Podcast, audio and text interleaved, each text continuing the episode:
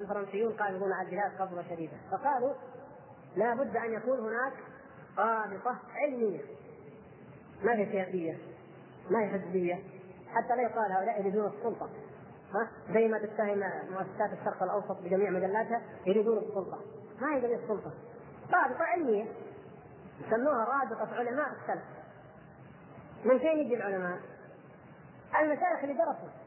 اللي تفقهوا اللي تخرجوا. هذا في اقليم كذا وهذا هذا في الجنوب هذا في الشرق هذا هنا هذا هنا. اجتمعوا كونوا رابطة. المنهج موحد. لماذا؟ كلهم تعلموا على الكتاب والسنة منهج السلف. إذا المنهج واحد وهذه والحمد لله ميزة. إذا وجد في أي بلد وحده المنهج هذه نعمة عظيمة. انظروا الحمد لله كيف نحن في هذا البلد. يعني منهج الاستدلال واحد الحمد لله. وهذا يؤثر كثيرا جدا على الدعوة. إنك ما تضطر تقول هذا الشيء بدعة والعلماء يقولوا سنة أو العكس. منهج الاستدلال على الأقل واحد وهذه نعمه المنهج هو منهج السلف كذلك كان الحال في الجزائر مثلا. المهم لما اجتمعوا عبادهم كلهم منهجهم الاستدلال واحد. قالوا نريد أن ننشئ مجلة ونبدأ نبث وننشر دعوتنا على الأمة. ونطالب الأمة بأشياء ونطالب الفرنسيين بأشياء. تحركت الأمة تحركت. طبعا هل يعقل أمة يجتمع علماؤها ويصدرون مجله ولهم صوت مسموع ولا تلتف حولهم الامه ما يمكن. هذه من نعم الله الأمة هذه فيها خير كثير جدا في أي بلد.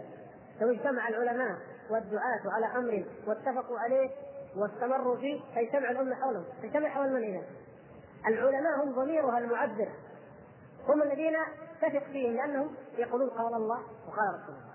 تعرف أنهم لا يريدون الدنيا. ولا قد أحد من العلماء طالب بموته قد أحد من العلماء ولا من الدعاة طالب يكون وزير دفاع ولا وزير مدري إيش هذا ولا أفكر ولا يريدون هذا أصلا. يريدون أن يقام دين الله هذا فالناس بثقتهم في في صدق نياتهم وسلامتهم وأنهم يقولون كلمة الحق التي تغضب أكثر الناس عليهم يتبعون.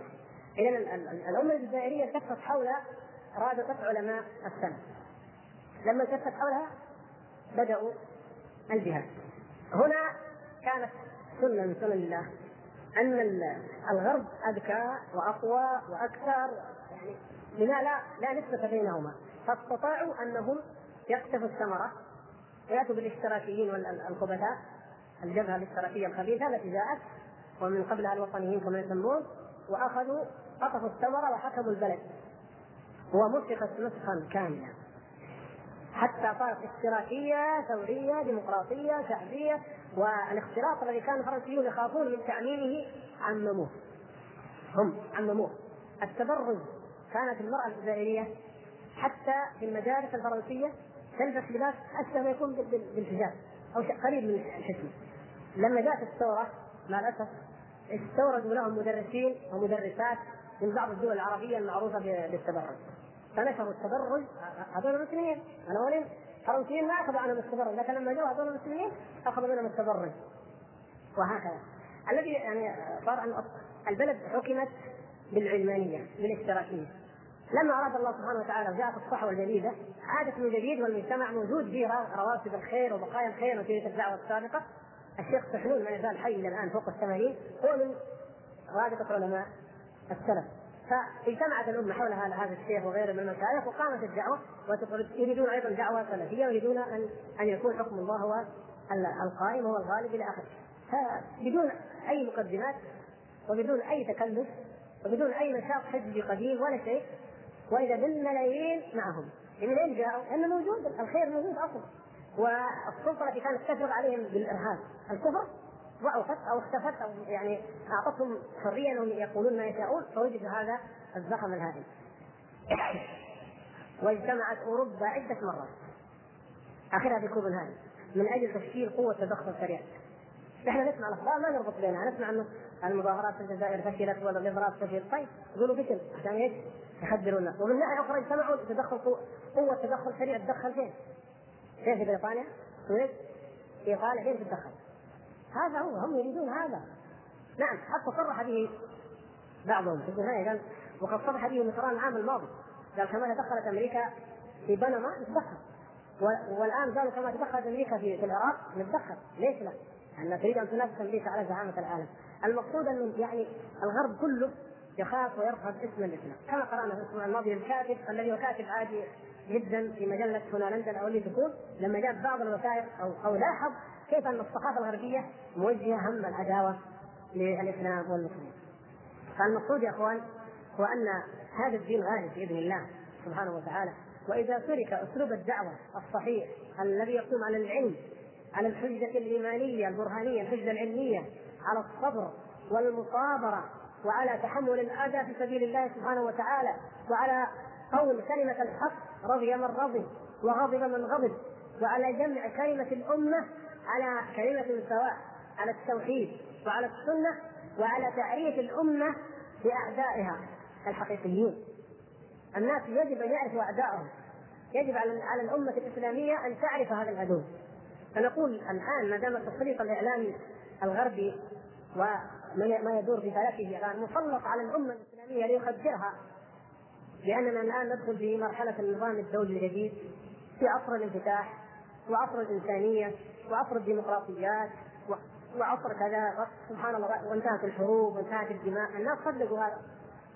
بعض الناس صدقوا قالوا الآن نحن نقبل على بعد إعلان هذه هذه هذه الدعوة وقعت الحروب الهائلة التي حدثت في الخليج وفي الصومال وفي الحبشة وغيرها وما تزال مستمرة، يعني هذه الحروب ما وقعت إلا بعد الوفاق الدولي وبعد إعلان ان أن الإنسانية ستدخل مرحلة السلام والأمن والأمان.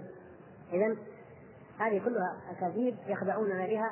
والله سبحانه وتعالى قد حذرنا منهم من كيدهم ومكرهم ومن عداوتهم ولا يزالون يقاتلونكم حتى يردوكم عن دينكم إن استطاعوا. ولن ترضى عنك اليهود ولا النصارى حتى تتبع ملتهم. وفي نفس الوقت بين لنا كيف نتقي خطرهم. وإن تصبروا وتتقوا لا يضركم كيدهم شيئا. إذا كنا كذلك. كان الوقت هنا سبحان الله. طيب. يعني أيضا نكمل بس بعض الدول الأخرى وكان ما في فرق.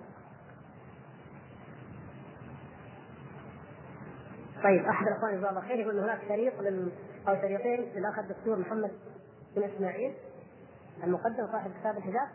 أيوه نعم هذا أخ فاضل سلفي العقيدة والحمد لله وداعية من الدعاة الذين يصدعون بكلمة الحق في مصر. جزاه الله خيرا. وكتاب الحجاب أظنه معروف ما وإن كان أحد يجهله هذه مشكلة لازم يشتريه وموجود بالسعر المخفض 6 ريال يشتري منكم حبة ويهديها إلى قريباته ومن يريد. المهم كالشريطين بعنوان السيادة للقرآن لا للبرلمان.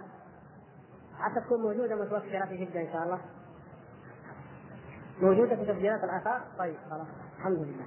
هذا لأنها تسجيلات أثرية إن شاء الله. فنقول نستكمل ما بقي.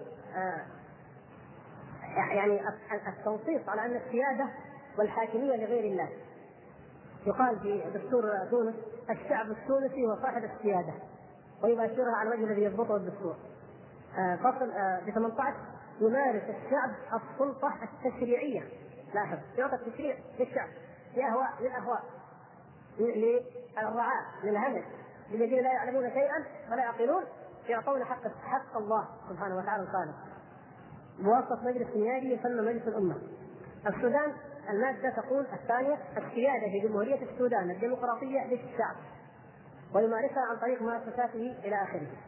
موريتانيا يقول الشعب هو صاحب السيادة. البحرين اصبروا حتى البحرين عندها بعض الأخوان يقول نظام الحكم في البحرين ديمقراطي السيادة فيه للشعب وهو مصدر السلطات جميعا هذا فقرة إيش؟ لا إلى آخر يعني أظن ما تركنا بلد تعمدنا نجيبها كلها حتى لا يقال ان قصدهم بلد ضد بلد. ما هو طبيعي يا إخوان. والله ما غرضنا لا هذا البلد ولا ذاك. الغرض أن نعرف إن هذا شرك كل عام. وكفر طام وأنه لن يقوم بدين الله إلا من أقامه ومن أحاط به من جميع جوانبه. هذا الدين لا يقوم به إلا من أحاطه من جميع جوانبه. فتوحيد الله سبحانه وتعالى بالعبادة بالذبح والنذر والخوف والرجاء. كما دعا اليه الرسل الكرام صلوات الله وسلامه عليهم وغيرهم من الدعاة هذا توحيد الألوهية وتوحيد العبادة. يجب أن ندعو إليه في كل زمان وفي كل مكان ولا ننساه ابدا. لكن مع ذلك أيضا هذا جزء منه هذا ما هو ما هو خصم له. أن يكون الحكم لله ما هو خصم. لتوحيد العبادة. ما هو ند له يقول إما تأخذ هذا أو هذا. سبحان الله نوحده سبحانه وتعالى. لا نبتغي غيره إلها. وكذلك لا نبتغي غيره حكما كما ذكر الله تعالى في سورة الأنعام. ولا وليا ولا ربا. ها وتذكرون قلنا في هذه الآيات في أول لقاءات هذه الحلقات عن آه، الحكم لغير ما أنزل الله. فنقول يعني هذا جزء من التوحيد مهمل أو يكاد يكون منسيا وأيضا نوع من أنواع الشرك تجدد وظهر وإن كان في القديم لا شك أنه موجود على شكل الأعراف والعادات والتقاليد لكن الآن أصبح أكثر قوة لأنه مكتوب ولأن السلطة تدعمه في أكثر البلاد. ولذلك يجب على المسلمين أن يعرفوا أقل ما يجب أن يعرفوا الحق ويعتقدوه ثم يلي ذلك أن يجاهدوا لإقامته. ولو بالدعاء ولو بالحجة العلمية كما أمر الله تبارك وتعالى والعصر إن الإنسان لفي خسر الا الذين آمنوا وعملوا الصالحات. عرفوا الحق واعتقدوه وعملوا به وتواصوا بالحق وتواصوا بالصبر. أي دعوا إليه. والحمد لله الان الصحوة الإسلامية في كل مكان وهي والحمد لله للأعم الأغلب صحوة سلفية أثرية. وهذه من نعم الله على هذه الأمة. ومن أوجب ما يجب علينا أن نراعي أن نجمع كلمة المسلمين على هذا المنهج منهج السلف الصالح. وكل من أعلن أنه ينتمي إلى هذا المنهج نفتح له صدورنا ونقبله. وإن وجدنا فيه نقصا أو خللا سددناه ووجهناه. لا نقول لا أنت ادعاؤك من السلف كذب وأنت منافق. لن لن يسمع منا أحد. إذا قال أنا اريد يقول حياك الله. ومن من ذلك أن تكون كذا وأن تكون كذا ويلزمك كذا وينبغي لك كذا ويوجه. وسماحة الشيخ الوالد عبد العزيز بن باز حفظه الله أكثر من مرة يتكلم عن هذا الموضوع في محاضرات قريبة وما قبله وحتى في مجموع الفتاوى الذي طبع يسأل عن هذه الأسئلة عن مثل هذه الدعوات أو الجماعات التي تدعو إلى كتاب الله وسنة رسول الله صلى الله عليه وسلم. والواجب أن أن تنصح. ما حتى ما يعني فيها من خلل ما فيها من تقصير يجب أن توجه وأن تقوم وفق كتاب الله وسنة رسوله صلى الله عليه وسلم. إذا رفعت راية من غير راية العقيدة السلفية نردها. إذا كان إذا وجدت دعوة على منهج الروافض نعوذ بالله ووجدت موجودة في كثير من البلاد هذه مرفوضة تماما لا نقاش معها. إذا قامت دعوة على منهج علم الكلام ومنهج الأشعرية مرفوضة إذا قامت دعوة قبورية شركية هذه لا نقبلها أصلا ولا بل هي من من أعدى الأعداء. لكن من رفع لواء الكتاب والسنة وإن كان عليه أخطاء أو ملحوظات فالأمور يا إخوان ناشئة الدعوة ناشئة وأكثر الدعاة في العالم الإسلامي ليسوا مثلنا لا تقيس لا تقيسوهم بهذا البلد. أكثرهم إما أطباء وإما مهندسون واما الاخ محمد إسماعيل هذا اللي الآن ذكر هذا طبيب ولا لا مو طبيب؟ طبيب. يعني أكثر من استقام على هذه الدعوة الحمد لله وعرفها في هذه المرحلة هم هؤلاء. وغيره كثير. المختصون الشرعيون قليل. بل ربما لو أنهم درسوا في المعاهد الشرعية كما تسمى في بلادهم أو الجامعات لها اسماء مختلفة لكانوا إما اشعريه أو صوفية أو ما أشبه ذلك. لكن لأنهم أخذوا العقيدة نقية صافية أصبحوا الحمد لله على منهج السلف. فنقول نحتضنهم نفتح صدورنا لهم نسددهم فيما نرى أنهم يخطئون فيه ونكون جميعا يدا واحدة على كتاب الله وعلى سنة رسول الله صلى الله عليه وسلم. ولا نفتح لأعداء الإسلام أن يكون بينهم أن يدخلوا بيننا الفتنة. يا إخواني يكون درس للشيخ الدكتور محمد محمد المختار الشنقيطي يوم الأربعاء 29 11 والجمعة 1 12 في الحج من كتاب عمدة الفقه لابن قدامة. أظن في نفس المسجد ها؟ أي نفس المسجد مسجد الملك. جزاه الله خير واتابه الله. محاضرة من الشيخ خالد الرومي أيضا وقفات مع فضائل الحج وأحكامه يوم الثلاثاء بعد غد في مسجد الملك سعود. طيب ليش ما توزعوها يا أخي؟ دائما السعادة وسعود ومتعب اوزعوا طيب. نداءات إيمانية للشيخ أبو بكر الجزائري بعد صلاة المغرب يوم الأربعاء في مسجد السعاد. طيب جميل هذه الصفحه معروفه والشيخ إبراهيم الغيث له محاضرة بعنوان من أحكام الحج والعمرة يوم الخميس 1 12 في مسجد القدس في حي الفيصلية. جزاهم الله في قناه طيب يعني الإخوان عندهم مراد الاستاذ جزاكم الله خيرا. والناس قامت بتسجيل هذه الماده تسجيلات الآثار الإسلامية. جده حي السلامة. مركز الاهمال التجاري أمام مسجد منصور الشعيبي. هاتف